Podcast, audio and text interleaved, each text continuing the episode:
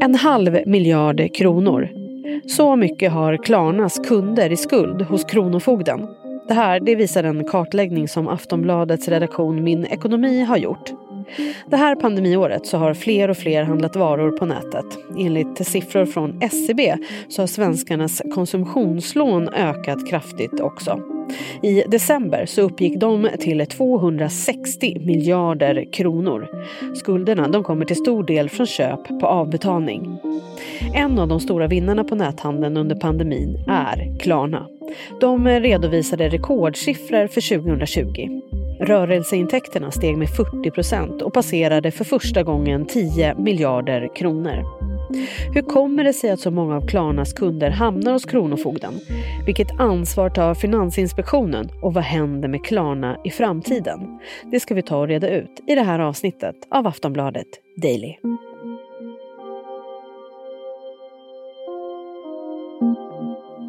Och det ska vi göra med Gustav Tronarp. Han är reporter på Min Ekonomi på Aftonbladet och han börjar med att berätta hur det går för Klarna just nu. Det korta svaret är väl egentligen att det går eh, kanonbra. Klarna är ett företag som växer kraftigt. Eh, årsredovisningen för 2020 talar om att man har 87 miljoner aktiva kunder över hela världen. Och värderingen på Klarna ligger på 265 miljarder kronor.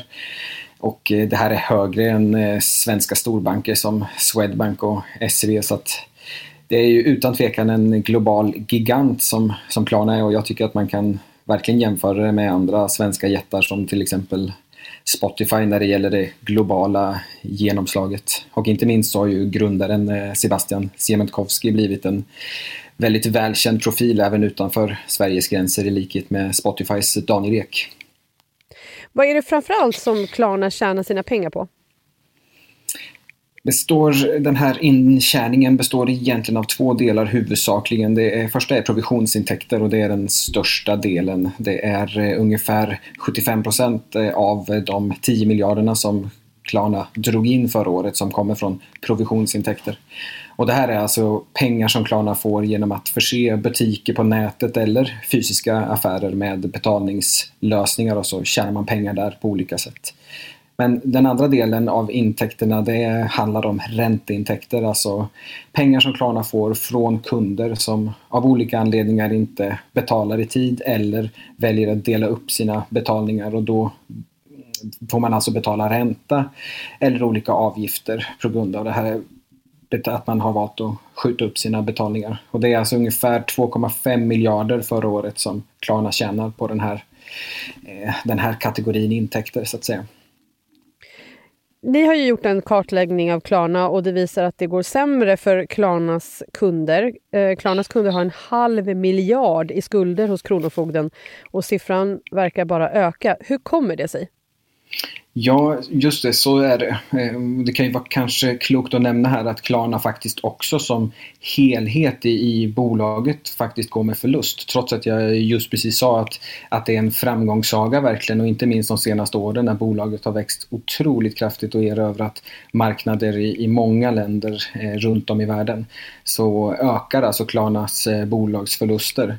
Eh, det blev ett minusresultat eh, 2020 på ungefär 1,4 miljarder kronor.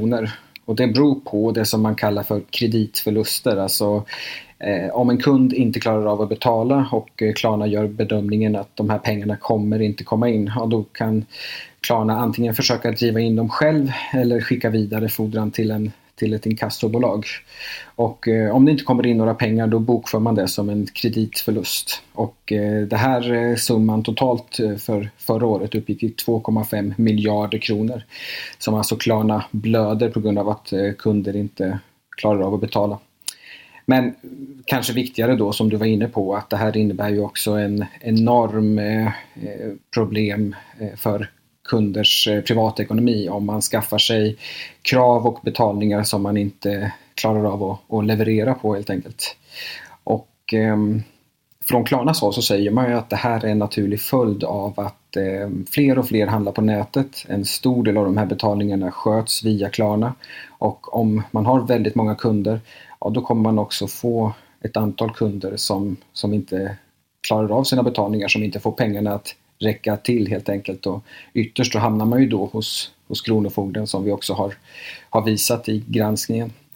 Men eh, jag tror att det också finns andra aspekter här alltså som kanske drivs på av pandemin också och att det är liksom en tillvaro som upplevs som kanske gråare eller mer eh, tom än vanligt. Att eh, många känns som runt omkring mig och sådär har fyllt det här lite grann genom att handla på nätet och då finns ju Klarna alltid där och eh, man på olika sätt eh, lyfter fram eh, möjligheten att få hem varan och sen betala först i efterhand och jag tror att det blir väldigt lockande för många. Även om man kanske inte har ekonomiska problem så finns det ju någonting omedelbart tilltalande på något sätt i att skjuta upp det där jobbiga och sådär. Och det kanske inte är något problem men om man då lägger till att Eh, Eh, många har blivit av med jobbet eller fått eh, försämrad inkomst under pandemin så då kan man ju väldigt snabbt hamna på efterkälken. Ja, för det är väl så ändå att det har ökat en hel del med näthandeln under pandemin? Verkligen, det har vi sett i en mängd eh, undersökningar att eh, handeln på nätet växer konstant och eh, en oroande faktor i det här är ju också då att konsumtionslånen bland svenskarna, alltså inte bara som är kopplade till Klarna utan konsumtionslånen generellt också växer under, under den senaste tiden. Och enligt Finansinspektionen så drivs det här till stor del av små Eh, lån och krediter som alltså kan uppkomma till exempel i samband med näthandel. Och eh, en aspekt som gör det här lite mer komplicerat är ju att eh, om du tar ett köp och en avbetalning för några tusen lappar kanske så genomgår du inte alls samma prövning som du gör om du får innan du får ta ett bolån till exempel. Och det här kan ju öka risken för en ohälsosam skuldsättning som kanske blir ohållbar i värsta fall. Vad skulle du säga då att Finansinspektionen gör för någonting? Men jag har pratat med både Finansinspektionen och eh, ministern som är ansvarig för de här eh, frågorna. Och eh, båda de instanserna är ju tydliga med att man här tittar på den här frågan och att det är oroande att svenskarnas skuldsättning ökar. Eh, ministern eh, Åsa Lindhagen lyfter fram en eh, lagstiftning som kom förra året och som förbjuder Klarna och andra betaltjänstföretag eller nätbutiker från att ha kreditbetalningsalternativ som det första alternativet när man ska köpa någonting på nätet. Så då måste man ha kontanta alternativ, alltså att du betalar direkt som det första alternativet. Det håller man på att titta nu i en översyn från Finansinspektionen hur den lagen har efterlevts och vad den har fått för konsekvenser. Sen så tittar ju också Finansinspektionen på en eh, man genomför också en eh, separat granskning av just Klarna och det är kopplat till att Klarna är en fullservicebank, alltså att man får bedriva en fullskalig bankverksamhet i Sverige som inte bara är kopplat till betalningar utan även långivning och andra banktjänster. Och det här kommer ju med många krav på att man ska ha kapital till exempel för att täcka olika former av risker. Så där håller man på med en översyn just kopplat till, till Klarna så det blir intressant att se vad den kommer fram till. Mm, och vad säger då själva Klarna om de här siffrorna med, med en halv miljard skulder hos Kronofogden? Vad säger de om det? Ja, det är lite som jag var inne på tidigare att Klarna säger att eh, vi har en stor eh, mängd kunder i Sverige. Jag tror att eh, omkring en, hälften av alla betalningar på nätet eh, görs via Klarna på ett eller annat sätt. Så det är en otrolig mängd betalningar. Och då så säger man att det är ett faktum att det finns en del människor i Sverige som har svårt att få pengarna att räcka till och klara sina betalningar och när en aktör blir så dominant som Klarna då kommer det bli så att en del av de här kunderna hos, som är kund hos Klarna hamnar hos, hos Kronofogden och får andra typer av eh, problem. Men det har ju riktats specifik kritik mot Klarna att man lyfter fram olika former av ränteavbetalningar eller delbetalningar eller uppskjutna betalningar eller gör det svårt och krångligt att betala direkt och sådär. Och eh, mot ett sånt eh, så har man slagit ifrån sig ganska eh, genomgående egentligen och säger att eh, det är viktigt att vi kunder betalar i tid och att vi vill underlätta för kunderna att sköta sina betalningar. Och på Klarna så benämner man förseningsavgifter och andra sådana intäkter som negativa intäkter. Alltså man säger att sådana här intäkter är vi inte intresserade av. Men vi har ju också visat i kartläggningen att man tjänar miljarder kronor på kunder som inte betalar i tid. Så att jag vet inte om det är helt sant att, att man skulle vara, vilja vara utan den här intäktsströmmen. De har ju fått mycket kritik förut. Eh, hur har de hanterat stormarna? Ja, jag har tittat ganska mycket på detta och eh, det är ju framförallt eh, Klarnas eh, medgrundare och den nuvarande VDn Sebastian Siemiatkowski som uttalar sig för bolagets räkning. Han är frispråkig och använder ofta termer som vi kan sätta i rubriker och att det blir slagkraftiga ord och uttryck och sådär. Men jag tycker ändå att man har märkt på senare tid att han har blivit mer medveten om sitt eh, inflytande och den enorma makt som han och hans eh, bolag har. Så jag tycker att han har blivit lite mera eh, försiktig och kanske lite mera medieslipad i, i sin kommunikation. Men han är fortfarande en väldigt aktiv på, inte minst på Twitter, där han kommenterade vår granskning för några dagar sedan med fake news som lånade det där uttrycket från, från Donald Trump, vilket är lite konstigt eh, när det känns som att det var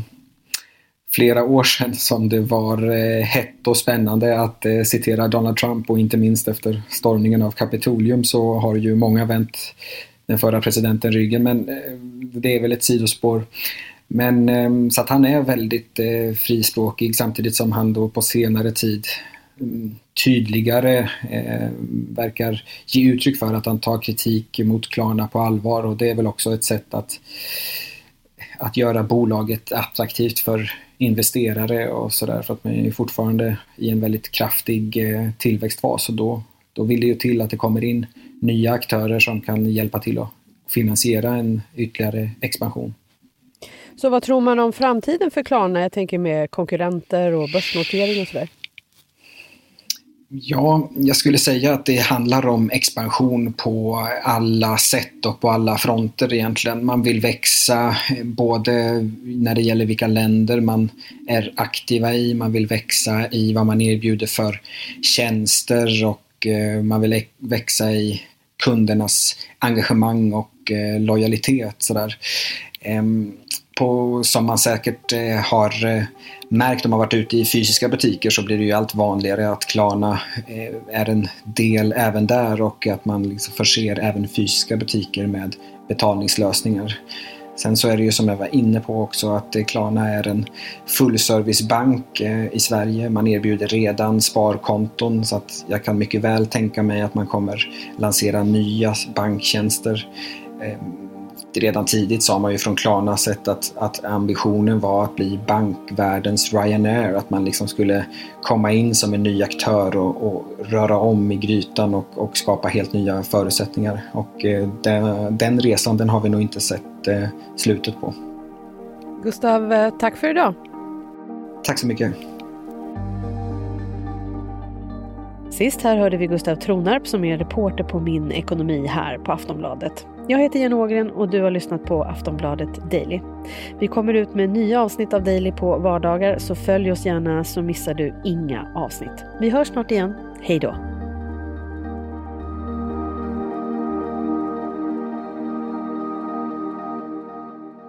Du har lyssnat på en podcast från Aftonbladet. Ansvarig utgivare är Lena K Samuelsson.